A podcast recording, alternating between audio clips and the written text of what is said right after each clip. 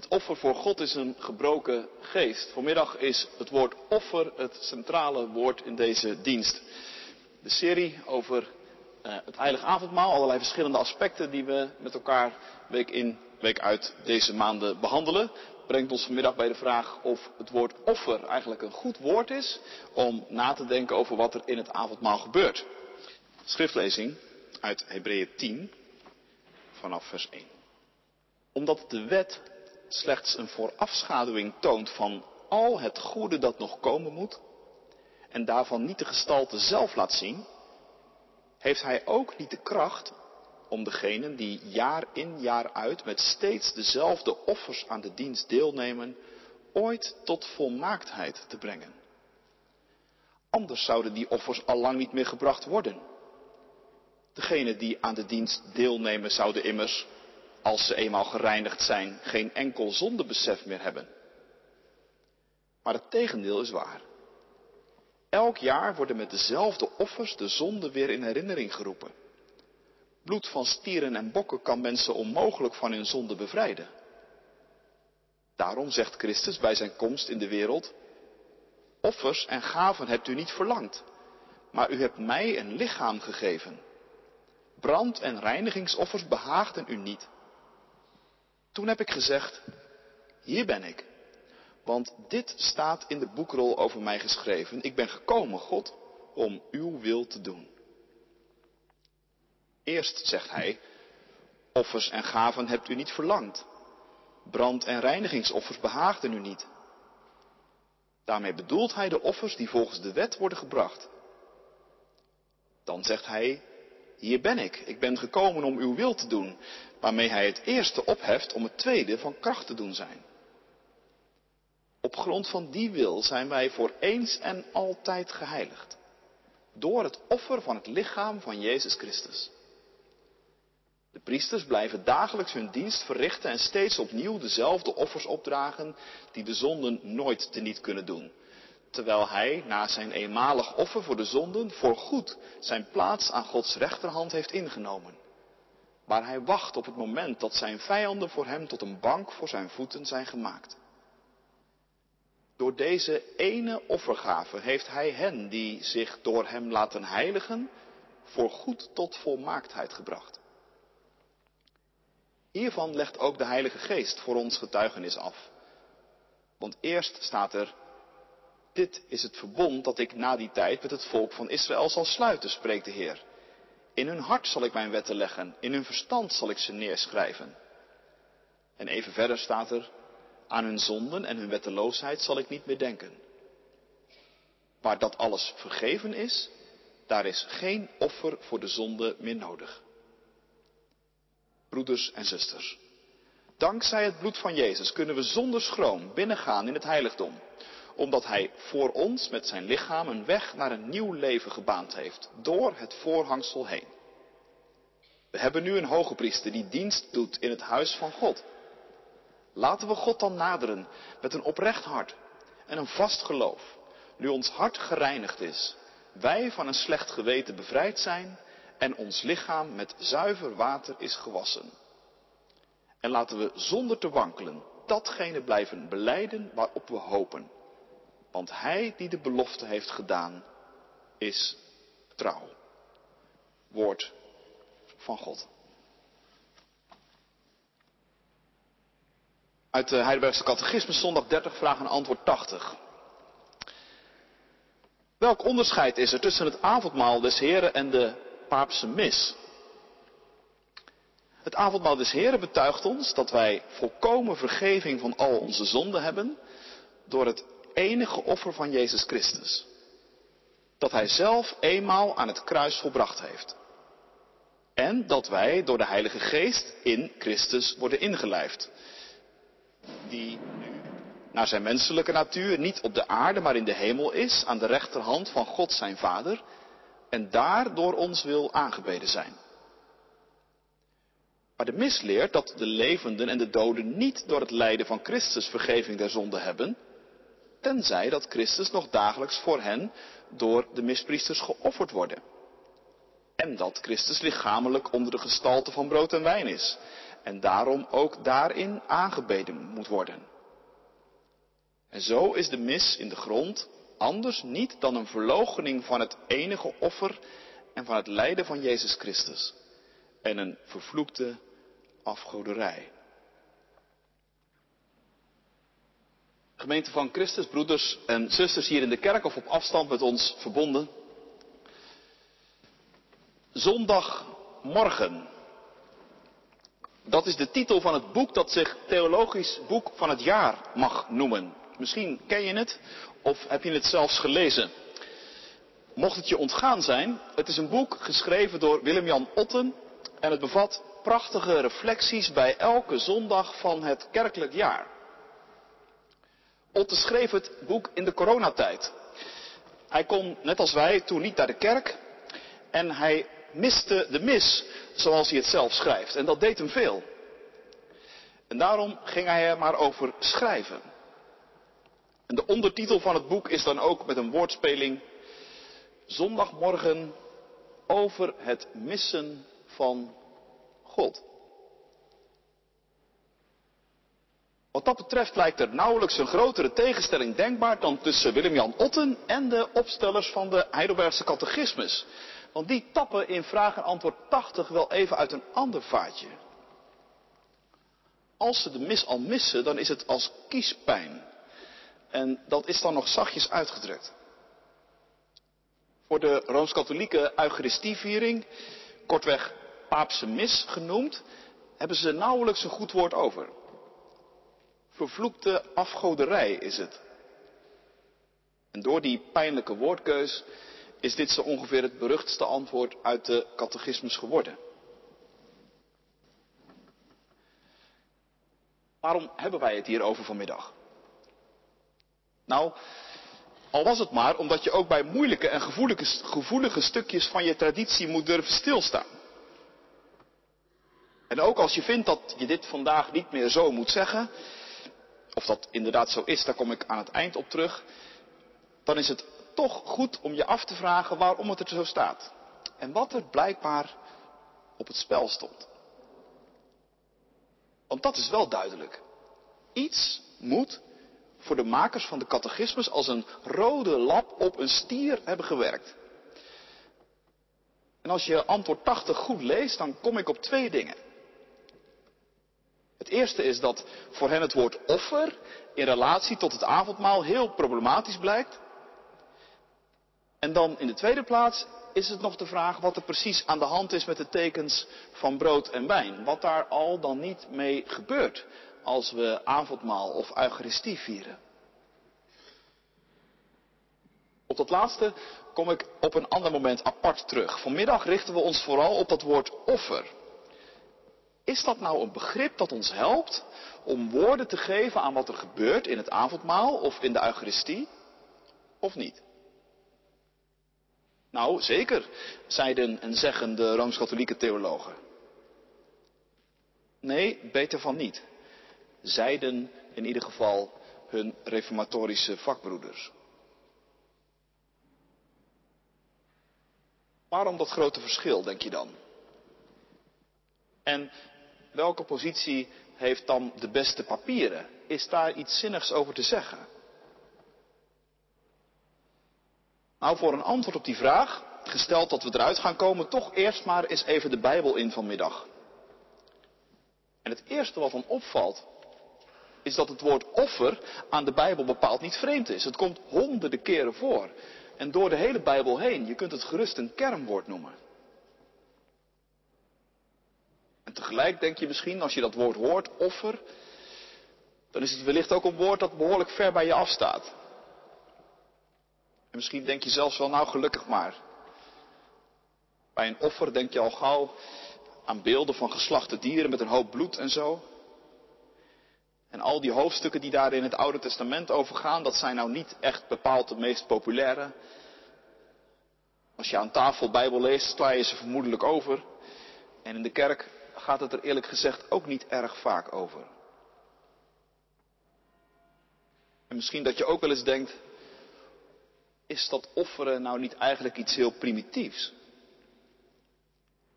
Is dat niet een soort wonderlijke gewoonte die hoort bij volken en culturen die, laten we zeggen, nog niet zo ver ontwikkeld zijn als wij? Nou ja, dat laatste is toch nog maar zeer de vraag.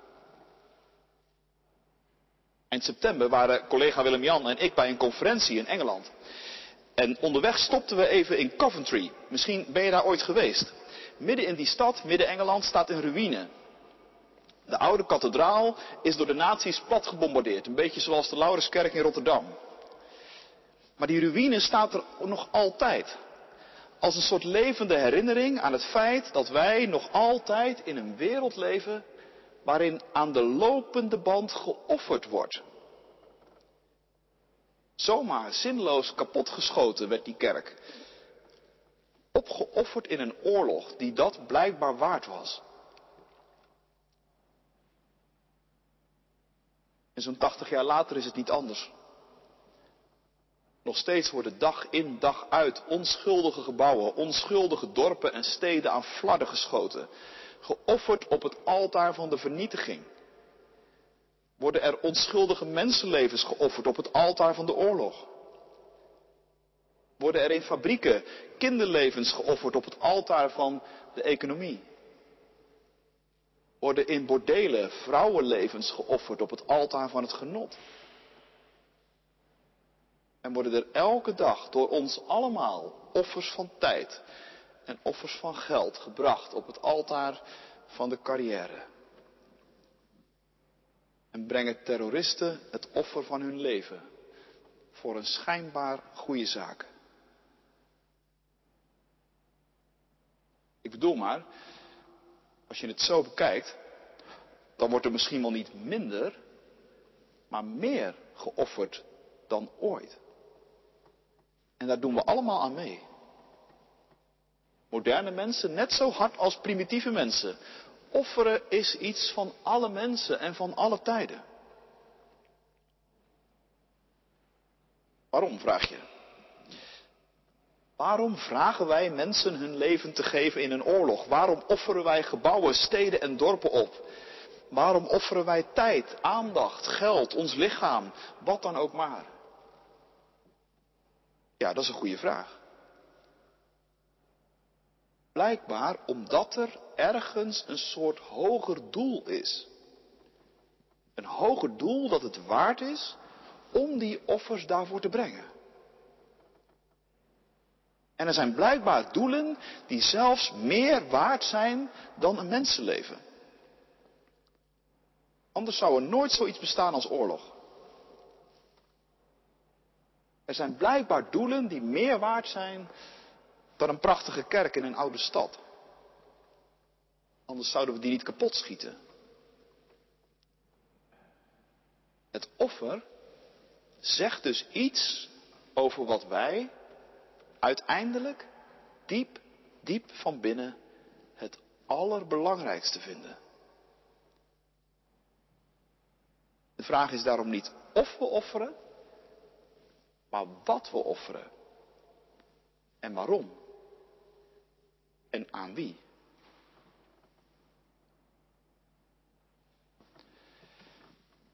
Laten we zo ook eens even kijken naar de offers in de Bijbel. Wat is daar nou het hogere doel van? Waarom is er in het Oude Testament een offercultus? Wat staat er op het spel? Nou, dat blijkt de relatie tussen ons, mensen aan de ene kant, en de Heere God aan de andere kant te zijn. Een relatie die de Heere God begon toen Hij ons mensen schiep. En tegelijkertijd, als je de Bijbel leest, een relatie waarvan je weet dat die niet zonder problemen is, zacht gezegd.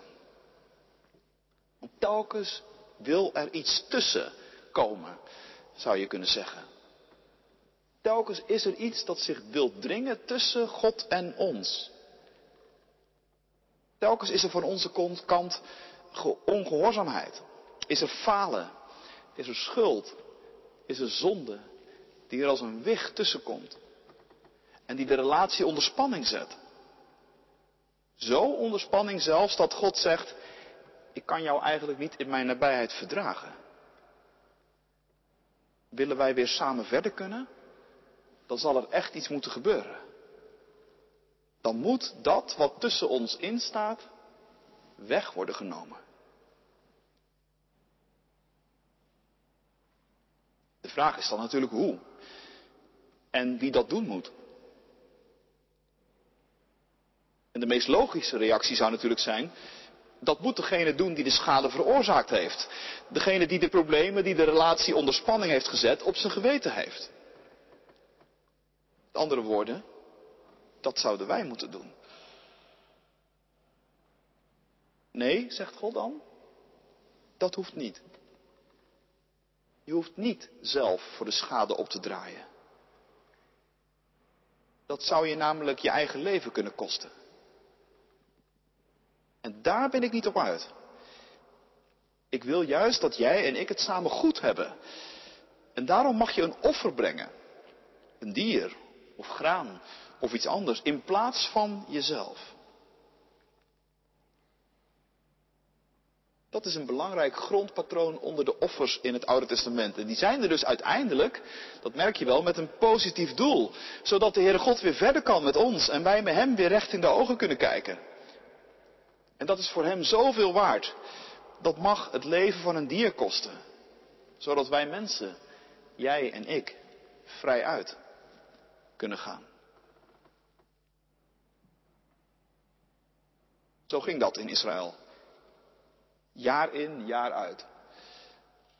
Als een altijd durende instelling kun je lezen in Leviticus 16. Maar nu maken we een hele grote stap naar de Hebreeënbrief waaruit we lazen. Want daar wordt dat grote thema van het offer opnieuw opgepakt en van alle kanten bekeken en nauwkeurig onderzocht. Lange hoofdstukken gaan daarover. En de schrijver van de brief stelt zich de vraag, wat nou van al die offers die dag in, dag uit, jaar in, jaar uit, eeuw in, eeuw uit gebracht zijn, wat daar nou uiteindelijk het effect van was? En zijn conclusie is uiteindelijk heel ontnuchterend. Onder de streep, alles opgeteld en afgetrokken hebbend, zegt hij, ja, een offer kan niet alles. Een offer herstelt voor eventjes de relatie, maar als je daarna weer de fout ingaat, dan begint het hele verhaal eigenlijk weer opnieuw.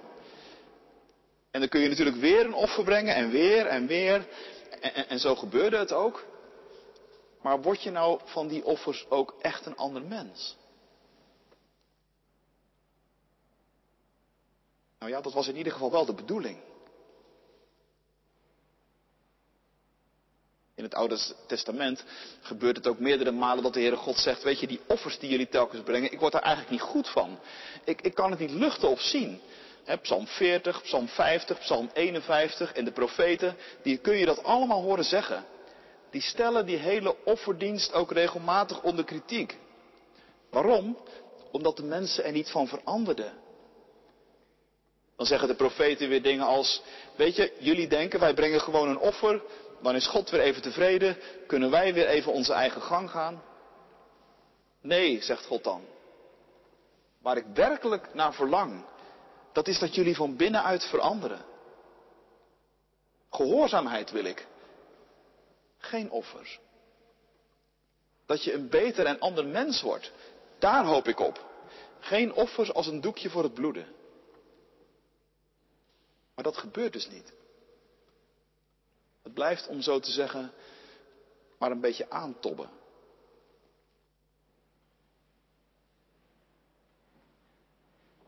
Nou, die conclusie trekt dus ook de schrijver in Hebreeën 10. Uiteindelijk zegt hij, helpen die offers dus niet verder. Ze moeten telkens opnieuw worden gebracht. En ieder offer is opnieuw een herinnering aan je eigen zondigheid als mens. Een bevestiging van het feit dat je ergens diep van binnen niet deugt. En daarom lees je ook in vers 4 dat het onmogelijk is dat het bloed van stieren of bokken zonde echt zou wegnemen. En dat is nou wel net de bedoeling. Het ging de Heere God toch om het herstel van de relatie tussen Hem en ons. We moesten toch weer samen verder kunnen. Maar zolang er iets tussen staat, gaat dat niet. Weet je zelf. Als je iets met iemand hebt dat nog uitgepraat moet worden, dan voel je dat altijd, zolang het nog niet gebeurd is.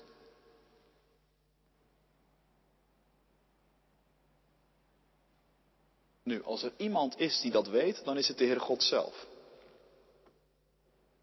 En daarom, zegt die Hebreeën schrijver, is hij zelf tussen beiden gekomen. Al die offers uit het Oude Testament, dat was uiteindelijk een schaduw, een voorafschaduwing. Nou, je weet hoe het zit met een schaduw.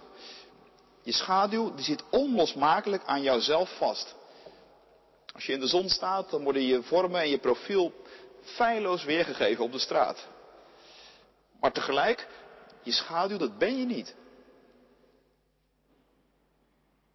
Nou, zo is het ook met de offers in het Oude Testament.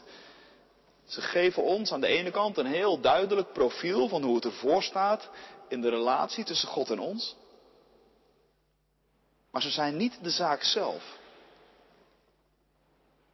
Het uiteindelijke en ultieme offer, dat is het offer dat God zelf brengt. Door mens te worden in Jezus Christus en de weg van het kruis te gaan. Je ziet hem in Hebreeën 10 als het ware zo naar voren stappen uit de coulissen. Zie, hier ben ik. Hier ben ik, vader, om uw wil te doen.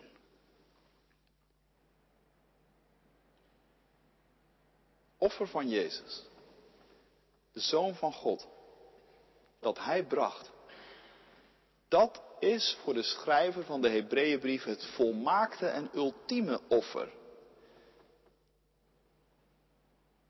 Offers in het Oude Testament waren altijd offers in plaats van. Een dier werd geofferd in plaats van jou.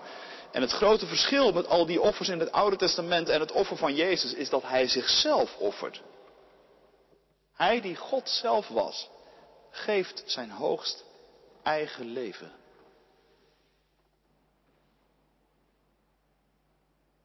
Nou, je merkt dat als het over hem gaat, dat in de Hebreeënbrief alle registers opengaan. Want dit offer maakt een ongelooflijk verschil. Ik haal drie dingen naar voren. Door dit offer zijn wij, vers 10, voor eens en voor altijd geheiligd, staat er. Dat is het eerste. Door het offer van Christus kijkt God op een andere manier naar jou en mij. Ziet hij jou, dan ziet hij Christus. Tweede, door dit offer zijn wij, vers 14, volmaakt geworden. Er hoeft dus van onze kant niks meer bij, echt niet. En dankzij dit offer, vers 18, is er nooit meer een ander offer voor de zonde nodig. Je voelt wel aan. Het is niet voor niks dat in dit hoofdstuk heel veel definitieve taal wordt gebruikt. woorden als volmaakt, voor altijd, nooit meer. Van één ding wil de schrijver van deze brief ons absoluut overtuigen. Dat er met het kruisoffer van Christus een relatie definitief hersteld is. Omdat God niemand minder dan zichzelf op het spel gezet heeft. Voor eens en voor altijd heeft God gezegd, het is goed zo. Wij kunnen nu werkelijk samen verder.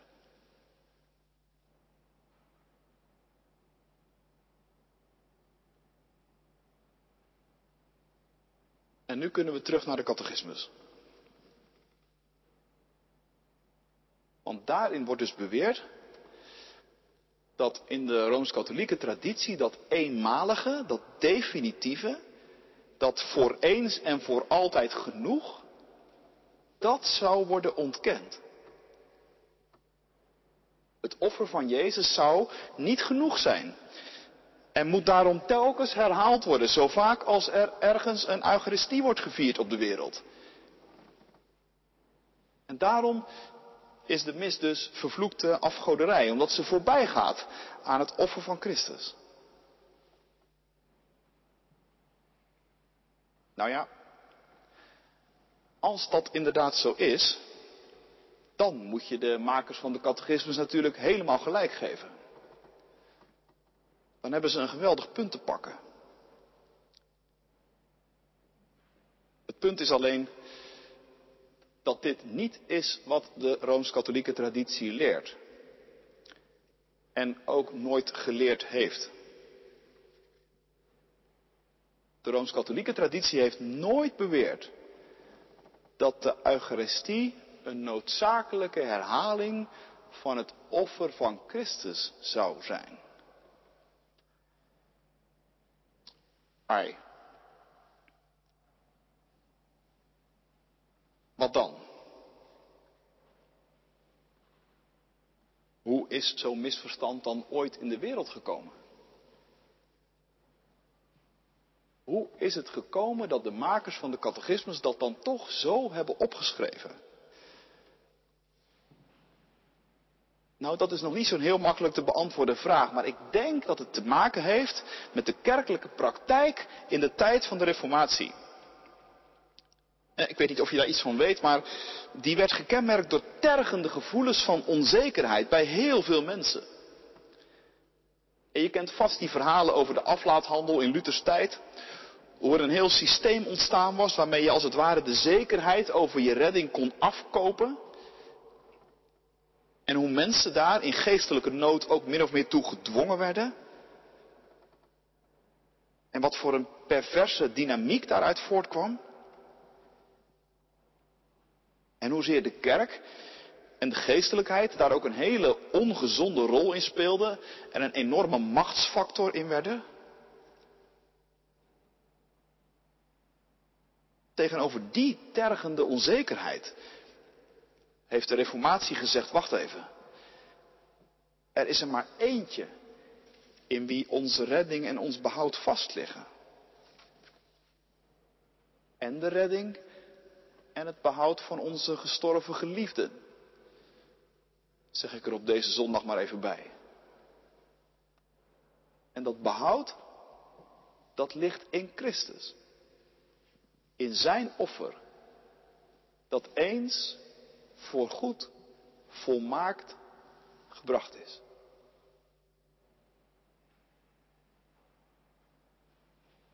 Anders gezegd, achter vraag en antwoord 80 klopt dus de existentiële vraag naar de zekerheid van het geloof. De vraag naar het houvast, de vraag naar de troost in leven en in sterven.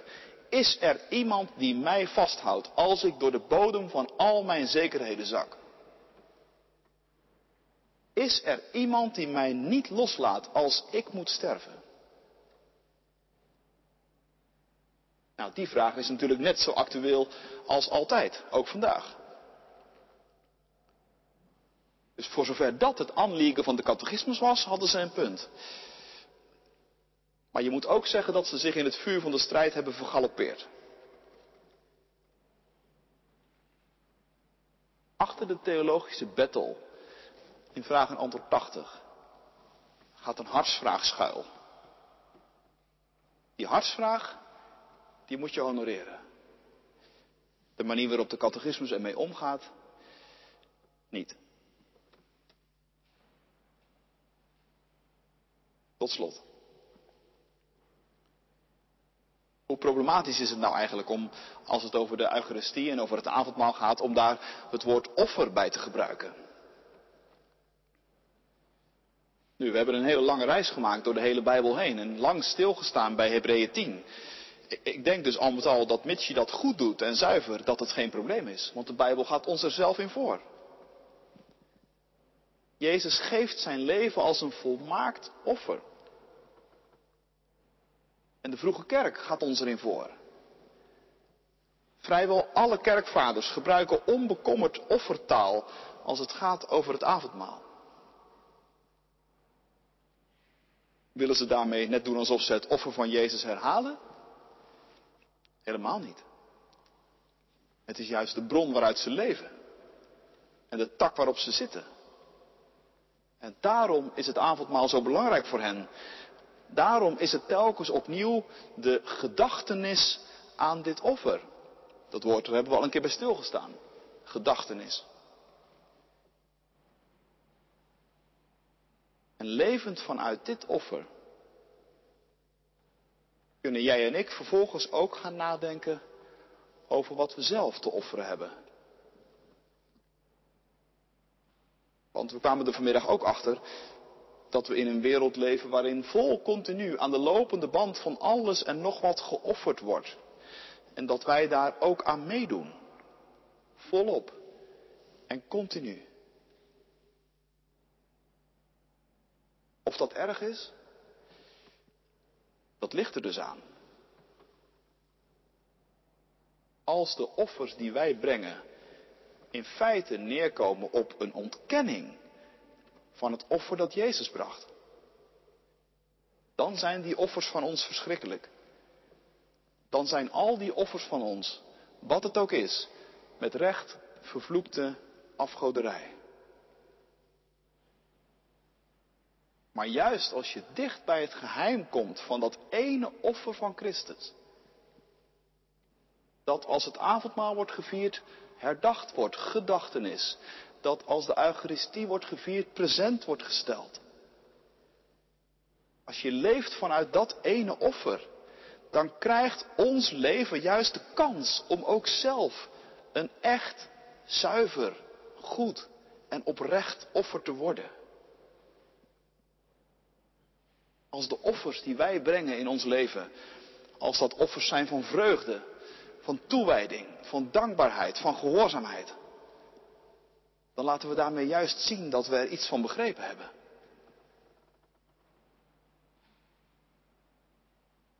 Dus laat dat een vraag voor je zijn. Als je een offer brengt, als je iets apart zet, tijd, geld, aandacht, wat dan ook maar, omwille van een hoger doel, stel jezelf dan telkens de vraag, wat is dat hogere doel dat dit offer van mij blijkbaar waard is? Is het een offer in de geest van Christus? Is het een offer dat gericht is op herstel en op verzoening? Of is mijn offer in feite een ontkenning van het offer van Christus?